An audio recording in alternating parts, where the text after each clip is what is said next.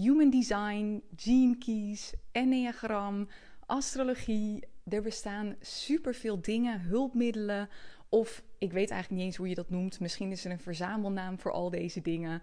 Maar in ieder geval zijn het allemaal hulpmiddelen om jezelf beter te begrijpen. En het zijn ook allemaal hulpmiddelen die je kunnen helpen om beter te navigeren in je bedrijf en in je leven. En ik merk persoonlijk de laatste tijd dat een paar van die dingen heel populair worden. Ik weet eigenlijk niet of dat altijd al zo is geweest en dat ik misschien gewoon iets gemist heb. Maar de laatste tijd uh, komt er bij mij vooral heel veel op mijn pad op, over uh, human design.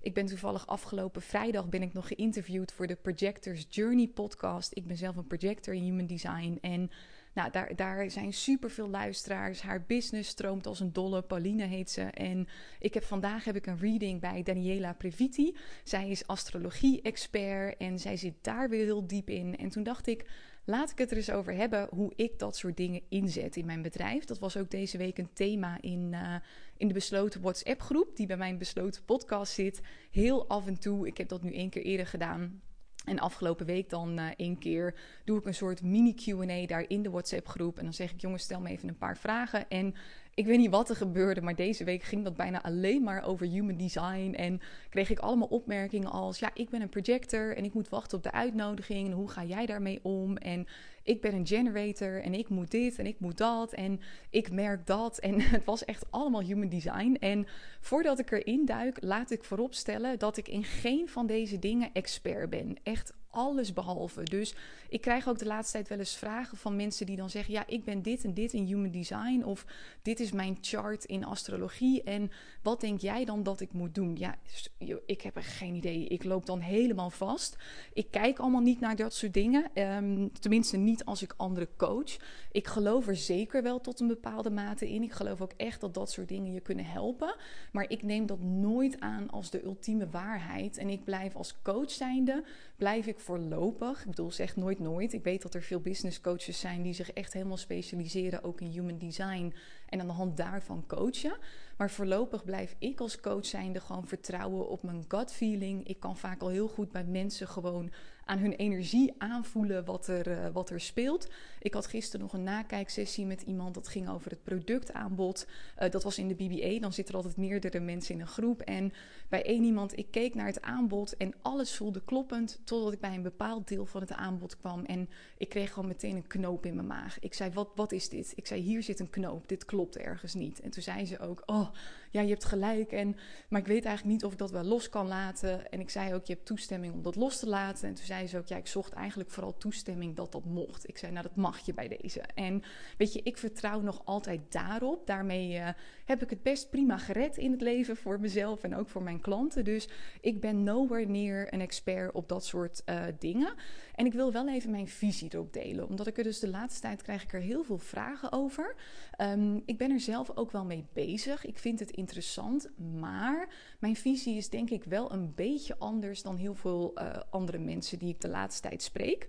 Nou, het maakt eigenlijk niet uit wat je doet. Hè? Of het nou human design is, astrologie. Um, ik heb dan vanmiddag met Daniela dus zo'n astrologie-sessie. En schijnbaar gaat dat nog dieper dan, uh, dan human design. Dat is nog specifieker. Kan je ook veel meer helpen nog met uh, niet alleen wie ben je zelf, maar ook wat gebeurt er de komende tijd in jouw chart. Dus die kan veel meer nog vooruitkijken. En ik had altijd een beetje een belemmerende overtuiging bij astrologie. Dat ik dacht, oh, dat zijn van die vage mensen op tv die je dan allemaal bullshit verkopen, weet je wel. Of dan heb je gewoon die twaalf horoscopen en woehoe. Nou, dan vallen we allemaal in twaalf categorieën. Maar dit gaat super diep. Ze is al uh, een paar dagen bezig echt met mijn hele chart en zo uitdiepen. Ik kon van tevoren vragen stellen en daar kon ze me dan uh, bij helpen in de sessie. Dus nou, ik ben heel benieuwd. Het is allemaal weer, uh, weer anders. Wat ik in ieder geval merk is, en, en daar gaat het mis, is dat sommige mensen dit echt als volledige waarheid gaan omarmen. Dus ik snap volledig dat het leven soms gewoon super overweldigend kan zijn. Dat ondernemen super overweldigend kan zijn. En dat je soms echt zo'n moment hebt dat je denkt: Oh, ik wou gewoon dat ik een soort stappenplan had. Een soort gids waarin stond: nu moet jij dit doen, want dan trek jij succes aan. Want de meeste ondernemers die weten inmiddels ook wel dat er voor iedereen een ander pad is naar succes. En ik snap dan oprecht dat je vanuit een deel in jezelf dat hij gewoon echt denkt: ja, leg het me gewoon uit, verdorie. Ik wil gewoon weten wat voor mij werkt. Ik wil gewoon weten wat ik kan verwachten ook vanuit het leven en wat voor energie er nu hangt. Weet je, we houden gewoon van die zekerheid. Ik vind dat sowieso altijd wel interessant. Dit soort concepten, zeg maar, die, nou, die worden altijd vrij spiritueel neergezet. Want het is natuurlijk ergens ook heel spiritueel. Maar ons verlangen daarnaar, het feit dat we zo graag ons daarin willen verdiepen, dat komt eigenlijk weer volledig vanuit ons ego. Tenminste, dit is hoe ik het zie. Hè? Dus dit is puur even mening, dit is niet de waarheid per se. Maar de reden dat we daar graag zo vaak in willen duiken, komt heel vaak vanuit we willen dat verlangen naar zekerheid, naar duidelijkheid. En dat komt vaak veel meer vanuit je ego. Nou, wat ik doe met dit soort dingen is, ik vind het super interessant. Um, Zowel voor mezelf als ook om te weten waar mijn klanten zich mee bezighouden. Want ik merk de laatste tijd dat er steeds meer klanten zijn die dingen doen met human design of met die gene keys. En ik vind het gewoon fijn om mijn ideale klant ook te kennen. Ik wil weten wat er bij hen speelt, waar zij zich druk om maken, wat voor tools zij gebruiken. Dus aan de ene kant verdiep ik me erin vanuit hun, zeg maar. Aan de andere kant vind ik het ook zelf interessant. Weet je, ik hou van persoonlijke ontwikkeling. Het is mijn grootste hobby. En ik ben altijd bereid om naar allerlei van dat soort dingen uh, te kijken. Weet je, ik heb nooit ook ergens een oordeel op of iets dergelijks. Ik ga er altijd open in. En ik zie wel of het me iets kan brengen of niet. En in sommige gevallen merk ik direct dat het me iets kan brengen. In sommige gevallen denk ik, mm, ja, oké, het geeft me een klein beetje bevestiging. Ja, en nu? Ehm, maar ik neem het nooit als ultieme waarheid. En daar vind ik dat het een beetje misgaat, eerlijk gezegd, tegenwoordig. Dus wat ik de laatste tijd heel veel terugkrijg van mensen, en dit gaat dan echt specifiek over human design, dat is eventjes populair in mijn bubbel in ieder geval, is echt van een soort weerstand. Dus dan heb ik bijvoorbeeld een projector tegenover me zitten. En bij een projector geldt dan: je moet wachten op de uitnodiging. Nou, dan uh, zeg ik bijvoorbeeld tegen iemand: ben ik met een strategie bezig. En dan zeg ik van: hé, hey, waarom doe je niet een webinar? Een webinar zou super slim zijn, of een podcast of iets dergelijks. En dan krijg ik als weerwoord: nee, dat kan niet, want ik moet wachten op de uitnodiging. En dan vraag ik ook wel eens door van: maar wat betekent dat dan? En nou, dan komt er vaak een beetje een vaag verhaal. En bij iedereen is het verhaal ook weer een beetje anders. En heel vaak wordt het dan als een soort excuus gebruikt om maar lui te kunnen zijn. Van, oh nee, nee, maar ik kan niks doen, want ik moet wachten op de uitnodiging. En Weet je, we zitten onszelf als ondernemer allemaal te bullshitten. Ik heb daar laatst ook een podcast over opgenomen. Welke bullshit vertel jij jezelf nog? En je bent altijd zelf het grootste probleem in je business. Ik net zo goed. Dus ik ben mezelf ook altijd verhalen aan het vertellen waarvan ik dan soms achteraf ook denk: tien. Wat is dit voor onzin? Weet je, zo heb ik bijvoorbeeld ook, dit gaat dan verder dan alleen mijn business. Ik ben dan bijvoorbeeld, als ik ongesteld ben, dan denk ik, oh, dan heb ik eigenlijk geen zin om te sporten. En dan zeg ik tegen Tris, oh nee, ik kan niet mee, want ik voel me niet zo lekker heel eerlijk, ik heb nooit zo heel erg last van mijn ongesteldheid. Dus eigenlijk kan ik prima sporten, maar ik ga dat lekker als een excuus inzetten, zodat ik lekker niet hoef.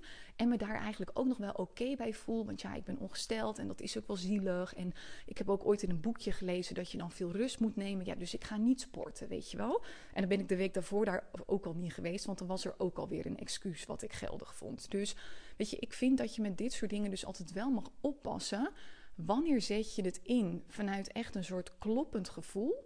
En wanneer misbruik je het eigenlijk als een soort excuus? Zoals dat je dus ook die dingen hebt als wacht op de uitnodiging, of doe dit of doe dat. En soms belemmert dat je gewoon heel erg. En ik vind ook altijd dat je wel mag letten op het feit dat al deze hulpmiddelen, al deze concepten. Ik, ik weet even niet hoe het heet. Nou, misschien is er ook helemaal niet een naam voor. Ik ga dat zo even googlen. Had ik beter van tevoren kunnen doen. Maar goed, je begrijpt me vast wat ik allemaal bedoel. Dit soort concepten zijn vaak ook wel heel oud. Hè? Dus Pauline was hier vorige week, toen hadden we het over human design. En, en dat is ook al jaren oud. Ik weet even niet meer exact wat ze zei, maar volgens mij zei ze dat komt vanuit 1960 of zo. Toen heeft iemand dat volledig gechanneld of gedownload. Ik weet even niet meer wat voor woord ze precies gebruikte en dat opgeschreven. Nou, als er iets is wat we tegenwoordig weten, is dat op het moment dat een verhaal bij de bron vandaan komt. Dus in dit geval die man, volgens mij is de man die dat helemaal heeft opgeschreven. En dat gaat doorvertalen. Informatie raakt altijd vertroebeld. Dus ik merk dat bijvoorbeeld ook. Ik had het vanochtend nog. Ik heb mijn coaches in de BBA super goed opgeleid. Ik heb ze helemaal mijn visie heb ik ze meegegeven.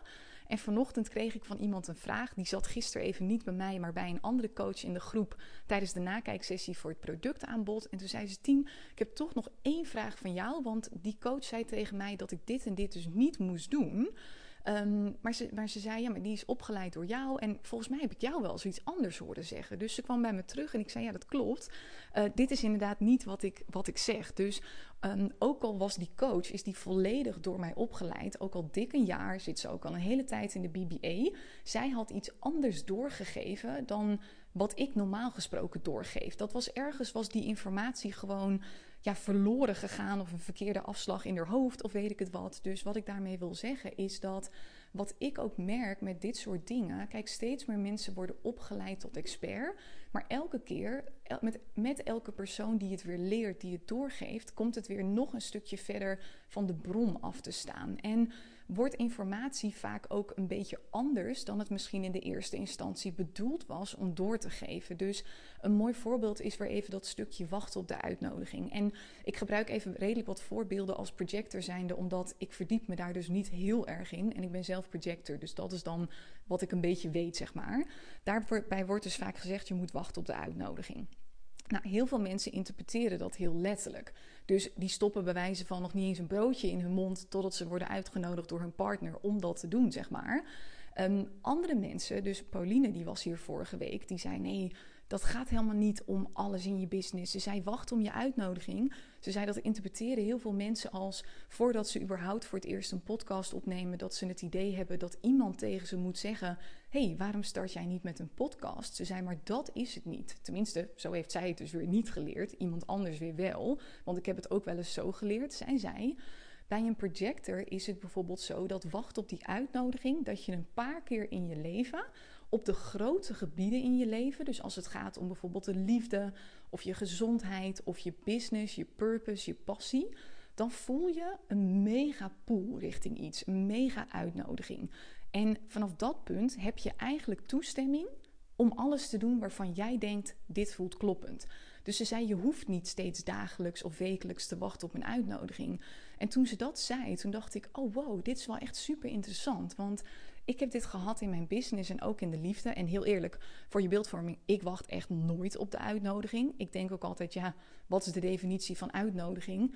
Voor mij is de definitie sorry, van uitnodiging is al dat ik hier nou ja, op aarde ben als mens. Voor mij is dat al de uitnodiging om te leven en mijn voeten, mijn armen, mijn mond te gebruiken en gewoon te leven eigenlijk. En mezelf te zijn en mensen daarin mee te nemen. Ja, voor mij is dat al een uitnodiging. Maar terug naar mijn verhaal. Die uitnodiging heb ik dus gehad in de liefde. Ik weet nog, op een gegeven moment, februari 2019, ik was net teruggekomen uit uh, Kaapstad. Ik had op dat moment, ik was daar met mijn ouders geweest. En dat was ook een soort afscheid nog van mijn hele periode daar. Ik had in maart 2017, heb ik toen mijn relatie verbroken. Ben ik vanuit Kaapstad naar Nederland verhuisd. En dat ging allemaal heel snel. En dat was echt heel chaotisch. Ik heb daar nooit echt een soort goed energetisch afscheid van kunnen nemen.